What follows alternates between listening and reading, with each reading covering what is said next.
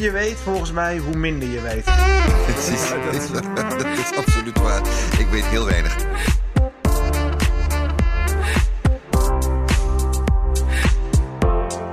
Ben Jurgen Rijman. En ik ben benieuwd de doelwijd. Welkom bij een nieuwe aflevering van Wij in de Toekomst. Een podcastserie waarin wij mensen uit het looprad van de werkweek willen halen.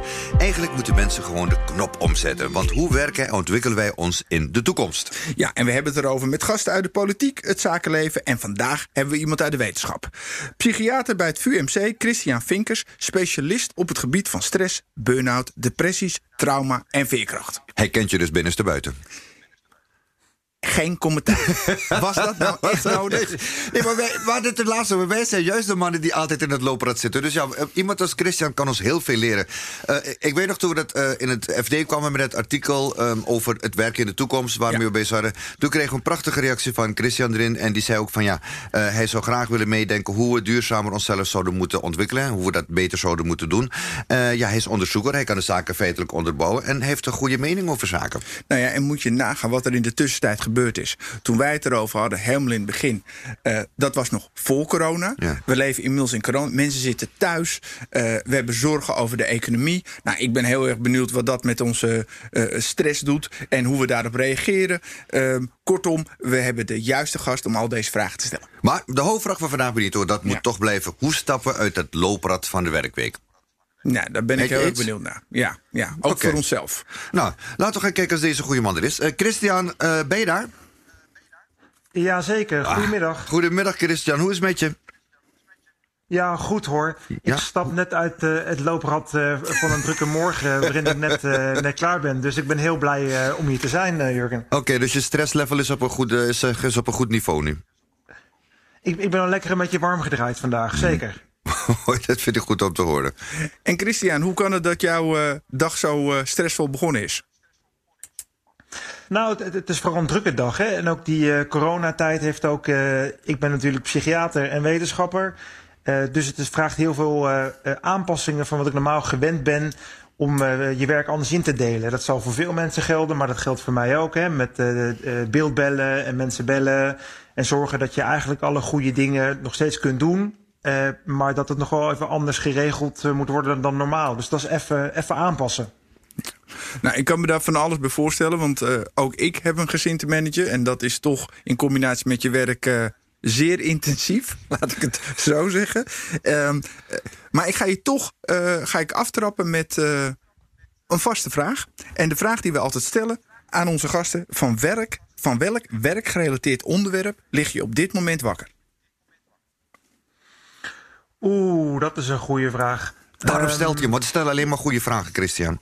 Wat, wat perfect. En, en uh, uh, uh, ik zou zeggen, van welk onderwerp lig ik wakker? Nou, weet je, waar ik me laatste tijd mee, veel mee bezig hou, is van in de psychiatrie, hoe delen we ons werk in? Want van oudsher komen natuurlijk alle mensen die last hebben van depressies en angstproblemen, die komen naar het ziekenhuis toe of naar de GGZ-kliniek toe.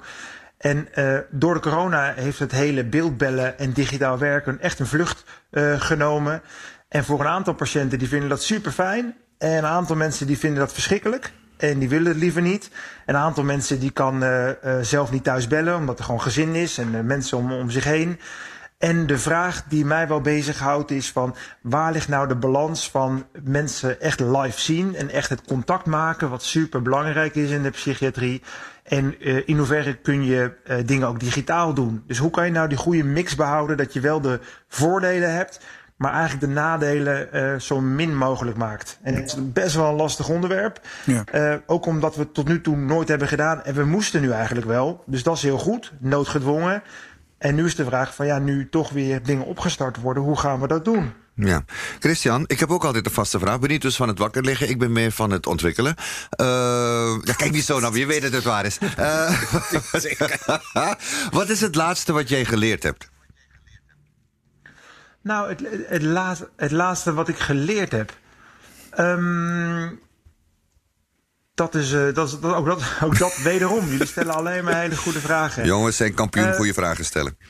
een goede. Nou, het laatste had ik geleerd. Nou, weet je, dat, dat uh, ik werd er nog eens op gewezen dat hoe meer je weet, hoe minder je eigenlijk weet. En ik was in gesprek met iemand vanmorgen en uh, ik had een bepaalde overtuiging over iets. En ik dacht van, nou, ik weet dat wel.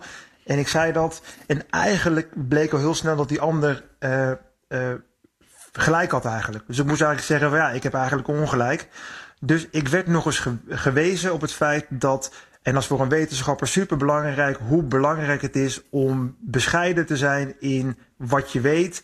En ook anderen de ruimte te geven om daarin dingen te zeggen. En ook uh, nou groot genoeg te zijn om dan te zeggen van ja, ik, eigenlijk heb je gelijk. En eigenlijk wat ik zeg uh, klopt er gewoon niet. En dat, uh, dat moet ik eigenlijk vaker doen. Dat is misschien wel mijn leerpunt. Leren dat je af en toe ook ongelijk hebt. Ja, en Christian, ja. is dit een leercurve die je dan ook met Jurgen zou willen delen? ik, ik, ik, weet niet hoe vaak hij wel of niet, niet uh, gelijk heeft. Ik denk dat het in de algemene zin heel goed is om, uh, om te zeggen van nou heel veel weet ik ook niet. En hoe meer je weet, volgens mij, hoe minder je weet. Precies, ja, dat, is... dat, is... absoluut waar. Ik weet heel weinig. Uh... ik heb een vraag. Wat wilde je worden toen je jong was? En de reden dat we die vraag stellen is... jij hebt drie verschillende studies gedaan. Je hebt farmacie, rechten en medicijnen gedaan. Um, kon jij niet kiezen? Nou, ik, ik, ik verveelde me misschien een beetje. Dat, dat, dat zal het een beetje zijn. Het, Dan ga je studeren. Heel wilde ik, wilde ik, nou ja, heel vroeger wilde ik horlogemaker worden. En uh, uh, dat, dat dacht ik van, dat lijkt me fantastisch. Om dat, dat gepriegel, een van die kleine, kleine klokjes en dingen maken.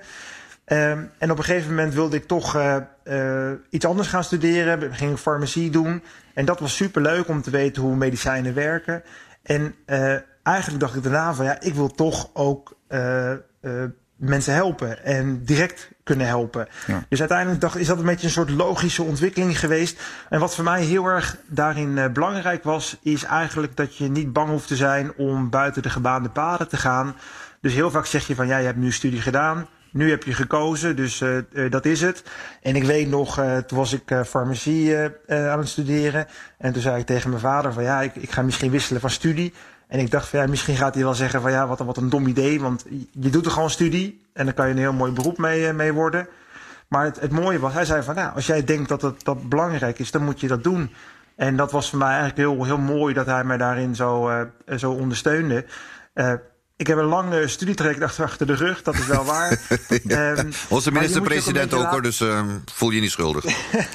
ja, vroeger was dat wat gebruikelijker. Hè? Ja. Dat je wat langer over. Tegenwoordig moet iedereen een beetje in de pas lopen en heb je binnen studieadviezen. En uh, ik, ik ben nog niet zo oud, maar de, dat was er nog niet in de tijd dat ik studeerde. Maar is dat, ook de, is dat misschien ook de, de, de cue van ontleren en ontwikkelen? Is dat je je tijd ervoor moet durven te nemen? Dat er veel te gehaast, veel te veel druk ook achter kids nu zetten van... je moet binnen vier jaar je studie af hebben. Je moet beslissen nu op je vijftiende wat je later wil worden.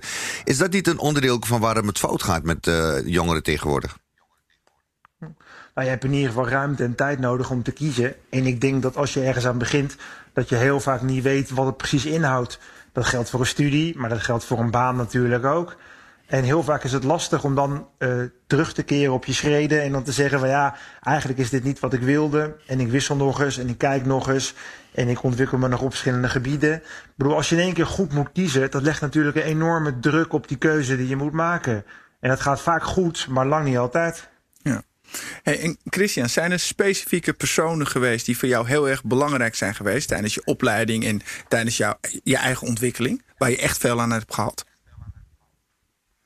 Nou, er waren een aantal uh, uh, uh, mensen tijdens toen ik, toen ik studeerde, die jou heel erg ondersteund hebben om je eigen weg te kiezen. Mijn toenmalige promotor die heeft me daarin heel erg geholpen. en ook later nog andere psychiaters. En wat heel belangrijk voor mij was, dat ze zeiden van, vind je eigen weg, kies je eigen weg. En ook uh, als je erover nadenkt en je maakt een keuze, dan moet je gewoon achter staan en dan moet je er gewoon voor gaan. En juist dat geeft heel veel vrijheid. Dat je weet van ja, als je, als je domme dingen doet, dan zeggen mensen dat hopelijk tegen je. Maar mensen uh, remmen je niet uh, nodig af, maar geven je ook ruimte om, om je verder te ontwikkelen. En, en, en zijn ook enthousiast over de dingen waar je enthousiast over bent. En dat is zo belangrijk, denk ik, om, om bevlogen te, te blijven en enthousiast te blijven voor wat, echt, wat je echt drijft. Hè? Ja. ja. Precies. Um, als ik je dan vraag, hè, um, je bent nu, uh, ja, ik mag zeggen succesvol, je bent aan het werk, je zit, je zit in een van de toponderzoeksuniversiteiten van Nederland. Hoe, hoe ziet jouw um, ja, looprad eruit uh, van de werkweek? Ja, nu is het natuurlijk allemaal toch wel een tikkeltje anders. Uh, met kleine kinderen heb ik, uh, had ik uh, de, de helft van de tijd ook nog de kinderen erbij. Dus dat maakte de, dat mijn werkweek formeel natuurlijk wat minder was. Normaal gesproken ben ik onderzoeker en psychiater. Dus voor een deel van de week zie ik zelf ook patiënten en probeer ik ze zo goed mogelijk te helpen. Bij GGZ Ingeest met depressie en met angst. En uh, doe ik ook behandelingen uh, zelf. En voor een deel uh, probeer ik erachter te komen van ja, hoe werkt ons brein nou precies? Wie kan er nou goed tegen stress en wie niet? En hoe, hoe, waarom zijn er nou zulke grote verschillen in? Mm -hmm. En het grappige is dat die twee werelden elkaar direct raken. Want als psychiater zie ik hoeveel stress mensen meemaken en wat voor impact dat heeft. En dan probeer je ook er iets aan te doen. En als onderzoeker probeer ik dat beter te snappen en dat ook een beetje te vertalen naar de praktijk. Zodat die twee werelden elkaar een beetje raken. Oké. Um, als, we dan, als we dan kijken naar uh, in het algemene, want je doet daar onderzoek naar. Um, stress is een van de factoren uh, die erbij komen kijken in, in ons looprad van de werkweek. Um, hoe komen we massaal van erin te stappen eigenlijk? Hoe zijn we ooit op het idee gekomen met z'n allen in dat looprad te stappen? En vooral ook, ligt het aan het systeem van de mens zelf dat we er niet uitkomen? Ja, de, de, vraag, de eerste vraag is natuurlijk: zitten we in de looprad van de, van de werkweek? Dat gevoel is er wel. Hè? Ja. Het, als eerste vind ik natuurlijk heel erg opvallend. Als we over stress praten, is alleen maar negatief. Hè? Bijna mm -hmm. altijd. Als ik aan jou vraag van, hey, ben je gestrest? Dan zeg jij niet, uh, ik ben Emiel Ratelband, tjaka, ik ben lekker gestrest. Maar uh, stress is gewoon een heel normaal proces. Omdat dat iets is waarin je je staande kan houden in een uh, moeilijke omgeving. Dus normaal gesproken heb je zo'n curve tussen als je heel veel doet... en je hebt te veel stress en te veel dingen die op je afkomen... dan krijg je er last van. Maar als mensen heel weinig doen, geen dagstructuur hebben en eigenlijk uh, niks om handen hebben, dus ook geen werk hebben, dan krijgen ze ook last van psychische klachten. Dus tegenover een burn-out staat een bore-out. Dus tegen, als je zegt we moeten uit het looprad van de werkweek, dan stel ik me zo'n looprad voor waarin je gewoon met je oogkleppen opgaat en weinig rust en ruimte hebt. Ja, dat is niet goed.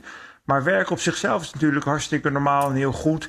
En als je werkeloos bent, daar is er heel veel onderzoek naar gedaan, dan krijg je ook heel veel last van psychische klachten, omdat je juist geen structuur hebt en geen, uh, uh, nou, wat is ook een zinvol leven. Werk kan ook ongelooflijk bijdragen om, uh, om je nuttig te maken en om je bevlogenheid te doen. Als ik werkeloos zou zijn, ik denk dat, dat ik daar, daar een stuk minder goed van in mijn vel zou zitten dan als ik uh, dan, dan ik nu doe, bijvoorbeeld. Ja. En, en, en Christian, hoe, hoe heb je zelf uh, de coronatijd ervaren? Hoe was dat voor jou en je gezin? Nou, wel, wel stressvol op een bepaalde manier. Ik, heel veel, ik, ik dacht als eerste, uh, ongelooflijk. Wat heb ik veel afspraken die eigenlijk niet door hoeven te gaan en de wereld loopt gewoon door. Dus het, het, het leert ook relativeren. En die lege agenda was voor een deel ook echt wel lekker. De combinatie met uh, mensen om je heen die toch ook kwetsbaar zijn voor corona en kleine kinderen maakt dat die balans weer heel anders komt, uh, komt te liggen. Dat is voor een gedeelte ook heel fijn en voor een gedeelte ook wel weer uh, stressvol. Dus als mensen aan mij vroegen van ja, levert die coronatijd ja nu meer of minder stress op? Dan is mijn antwoord eigenlijk allebei tegelijkertijd. En dat was voor een deel minder en voor een deel meer. En nou, het was wel allemaal al een tamelijk hectische periode. Maar ja, binnen grenzen zou ik zeggen. Ja. Okay. En als ik je dan vraag van um, wat is stress? Hoe, hoe zou jij dat definiëren? Nou, er is geen enkele goede. Er is, er is helemaal geen overeenstemming in, over. Dat, is het, dat zal ik maar gewoon eerlijk zeggen. Hmm. Als ik het toch heb over bescheidenheid, wat we wel en niet weten. dat is, want, want een, ik ga naar mijn huis. Als jij het niet weet, ja. hoe moet ik het weten? nee, maar ik, ik, ga wel uitleggen wat we wel. Want we weten een heleboel wel. Dus, dus okay. ook niet, uh, geen kommer en kwel. Um, de, de, er zijn eigenlijk twee scholen mensen. Gaat stress over wat je meemaakt in je omgeving? Of gaat stress uh, erover hoe je erop reageert? En uiteindelijk is het een beetje van beide. Hè? Dus stress is eigenlijk het, het uh, proces waarin je om je heen heel veel dingen uh, gebeuren. En jij probeert een beetje in balans te blijven. Dus jij probeert echt. Veerkracht gaat ook over een veer. Hè? Ja. Dus dat betekent, uh, er wordt de spanning op die veer gezet en dan moet hij uitrekken en dan moet hij weer inklappen. Dus het stresssysteem en dat zowel je lichaam en je, je hersenen en ook wat je, hoe je je gedraagt en wat je voelt. Dat is hartstikke dynamisch. Dat betekent dat je normaal gesproken goed in staat bent om te reageren op wat er gebeurt en daarop uh, je aan te passen. En daarna moet je weer een beetje ontspannen, want je stresssysteem moet niet de hele tijd uh, uh, aanstaan. Um, en, en dat is het systeem werkt continu eigenlijk om een beetje in balans te houden. En te zorgen dat je scherp blijft. En dat je, ja, dat je bijvoorbeeld niet overreden wordt als er iets gebeurt op straat. Maar ook als je heel veel uh, meemaakt op je werk. Uh, dat je echt chronische stress hebt. Omdat je ook daar uh, mee om kunt gaan. En het stresssysteem van mensen werkt eigenlijk best wel goed. Er is altijd zo, zoiets dat mensen zeggen van ja, de mens wordt steeds, kan steeds minder goed tegen stress. Mhm. Ja, daar zijn niet zoveel aanwijzingen voor. Als je ziet ook, hè, als ik in mijn spreekkamer mensen krijg en ik zie hoeveel stress ze hebben meegemaakt met jeugdtrauma's, met nare dingen. En ze toch nog daarmee om kunnen gaan. Dan ben ik altijd heel, uh, onder, heel erg onder de indruk van hoe goed mensen met stress kunnen, uh, kunnen omgaan. En ook uh, als mensen zeggen van ja, we kunnen nu slechter dan, tegen stress dan ooit. Dat is ook een soort self-fulfilling prophecy. Hè? Want stress is een heel normaal proces. En, en op een bepaalde manier is er wel steeds meer dat we onszelf ook een beetje de put in praten. Hè? Ik ben geen Emiel Raterband, maar wel dat je steeds zegt, ja, we stressen wel heel erg over die stress. Ja, hè? maar Christian, ik ga even onderbreken. Want ik, ik, je zei net iets moois. Je zei die veer, het is net een veer, weet je. Die veer die moet weer terugveren op een gegeven moment. Maar we weten ook dat als je een veer te vaak uitrekt... dat je op een gegeven moment steeds slapper wordt. Is dat dan een burn-out? Ehm, di- mag ik, ik weet het niet zeggen. Is dat, is dat, een van, is dat een, een eh, mag dat? Je mag, maar dat is je Ehm, laatste, ik weet niet. Hè? Dit is echt je Ja, laatste, dit- ik weet niet. Nu zijn ze op. Nu zijn ze op. zijn ze Oké. gewoon op. Ik zal, nee, ik zal het zo goed mogelijk proberen uit te leggen. Want, want het is namelijk ook iets waar ik wel veel over nadenk. En uh, het ingewikkelde van het concept van burn-out is eigenlijk dat iedereen erover praat alsof we al lang weten wat het is. Maar uh, ik als psychiater kan het niet betrouwbaar vaststellen. Het staat niet in de handboek van de psychiaters. Het staat niet in de handboek van de Wereldgezondheidsorganisatie. Um, het heeft superveel overlap met dingen die we, die we al staan. Dus angst en depressie. En daarmee wil ik niet zeggen dat uh, er geen uh, lijden is. Hè. Er zijn heel veel mensen die, die kampen met die klachten. Maar de vraag is, wat is een burn-out precies? Als je als wetenschapper ernaar kijkt, dan moet je eigenlijk zeggen, ja, dat weten we niet precies. En dan, want wat je ziet altijd op, de voorpagina's, hè, 1 op de 6 Nederlanders heeft burn-out klachten, staat er dan. Hè? Ja. En iedereen schrikt zich rot, hè, want 1 op de 6 is natuurlijk hartstikke veel. En dan ga je kijken van, ja, wat zijn dan burn-out klachten? Dat betekent dat je één keer per maand uh, last hebt dat je uh, minimaal één keer per maand moe bent. Of een leeg gevoel na, na het einde van de werkdag. Of dat je tegen de werkdag opziet. Zeg, nou ja, dan val ik daar ook onder. En wat nog ook uh, heel erg opvallend is, is dat er tussen burn-out klachten, wat dan op de voorpagina's altijd staat, hè, met je met zo'n vragenlijst meet, en een burn-out, dat iemand echt uitvalt, en die ken je ook wel, hè, dat mensen echt jarenlang thuis komen te zitten met hele ja. ernstige klachten. Er zit helemaal geen verband tussen. Dus het, woord, dus het burn-out klachten hebben heel weinig met burn-out te maken.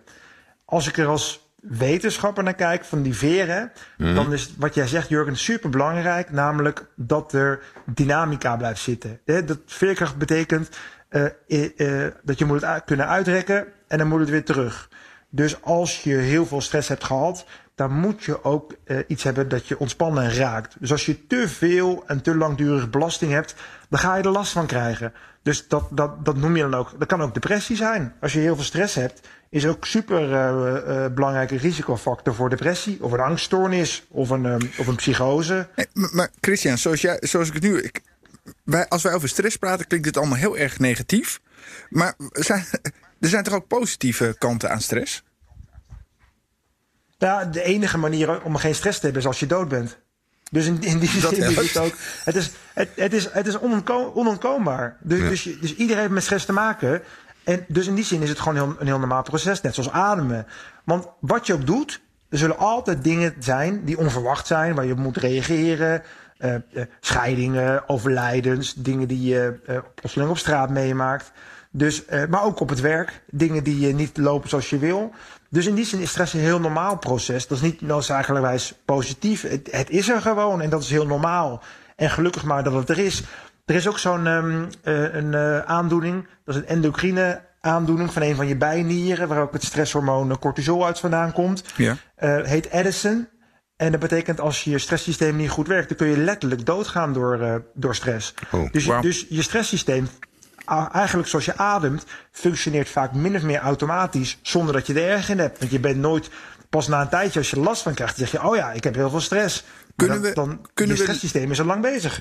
Kunnen we leren leven met stress? En is er bijvoorbeeld een verschil tussen hoe mannen eh, stress ervaren en hoe vrouwen stress ervaren? Eh, ja, dus er zijn heel veel verschillen tussen mannen en vrouwen. En iedereen kan, kan wel leren leven met, met stress. Het, het mooie van stress is dat het heel individueel is wat jouw stress geeft. Hè? Dus als één woord belangrijk is voor stress, en dat gaat zo op het werk, maar ook in je privésituatie, is de context. Hè, wat maakt nou wat, wat iemand stress geeft? Dus iedereen heeft eigenlijk zijn eigen unieke stressprofiel. Hè? Zijn eigen stresspaspoort als het ware. Dat betekent eh, je aanleggen. Hoe, hoe eh, eh, zit er veel stressgevoeligheid in je familie? En hoe, hoe is je hersenen zitten in elkaar? Maar ook hoe zit je in elkaar als mens? Ben je van nature optimistisch? Of ben je van nature iemand die snel het negatieve ergens van inziet? En, en ook hoe ziet je omgeving eruit? Ja. Heb je veel jeugdtrauma meegemaakt? Of heb je iemand die je kan troosten? Mensen die jou steunen? En die drie dingen maken samen de drie pijlers met je soort je stressprofiel. Je hebt een stresspaspoort heb je bedacht. Een je hebt een soort stresspaspoort bedacht. Is- dit waar al deze elementen voorkomen? Dat je dus persoonlijk echt kan zien. Wat jou, hoe, hoe werkt dat, dat, dat stresspaspoort? Nou, ik zou, ik, dat werkt eh, doordat je, als je in kaart kan brengen eh, eh, hoe verschillende factoren samenkomen. Dus dat wil zeggen, eh, je biologie en je psychologie en je omgeving, als je die met elkaar kan integreren, dan kun je echt wel iets zeggen over hoe stressgevoelig iemand is. En mensen weten dat vaak ook. Dus als je aan mensen vraagt van, ja, wat, wat geeft jij nou stress? Dan kunnen mensen dat, dat, dat haarfijn aangeven. En vaak zie je supergrote verschillen wanneer mensen stress krijgen en waar mensen stress van krijgen. Dus dat betekent dat zo'n stresspaspoort dat ook wel een beetje in kaart kan brengen. We zijn ook bezig om dat eh, verder te ontwikkelen, dat mensen dat ook kunnen gaan gebruiken. Eh, want, want wat je ziet over stress is dat, dat je op internet staat vol met 10 gouden tips tegen stress. Hè? Dus een Ja. beetje clickbait. hè? En nummer 4 zou je verbazen. En mensen klikken erop, want die willen weten. Eindelijk iemand die mij vertelt hoe je van stress afkomt. Ja. En wat je dan ziet zijn altijd van die tips die iedere Nederlander wel, eh, eh, wel goed zijn hoor. Je moet goed eten, en veel bewegen en goed slapen en niet te veel stressen. En dat zijn allemaal dingen die, er is niks mis mee. Maar het, is, het, het gaat helemaal voorbij aan de wetenschap van de stress. Die zegt van ja, je moet kijken wat, waardoor een, iemand stress krijgt. En daar moet je op gaan zitten. Dus als iemand dan eh, eh, eh, een veteraan die uitgezonden is, geweest is naar Irak. Ja, moet je tegen, tegen zo iemand zeggen dat hij gezond moet eten? Nee, die heeft iets anders nodig. En een, en een bijstandsmoeder die heel veel financiële stress heeft, ja, die moet je geen meditatiecursus aanbieden. Ja. Het is eh, Damian Denis, een collega-psychiater van jou, die roept... eh, ja, we moeten het coronavirus omarmen en noemt het control-alt-delete van het systeem... om met de nieuwe normen en waarden te beginnen. Moeten we stress, angst en burn-out ook gaan omarmen? Nee, zou ik niet zeggen. Want, eh, want eh, als ik zie hoeveel leed. Als iemand met een burn-out, jullie kennen die mensen ook wel. Ongelooflijk hoeveel lijden dat, dat eh, eh, veroorzaakt. En mensen met depressie en mensen met angststoornissen.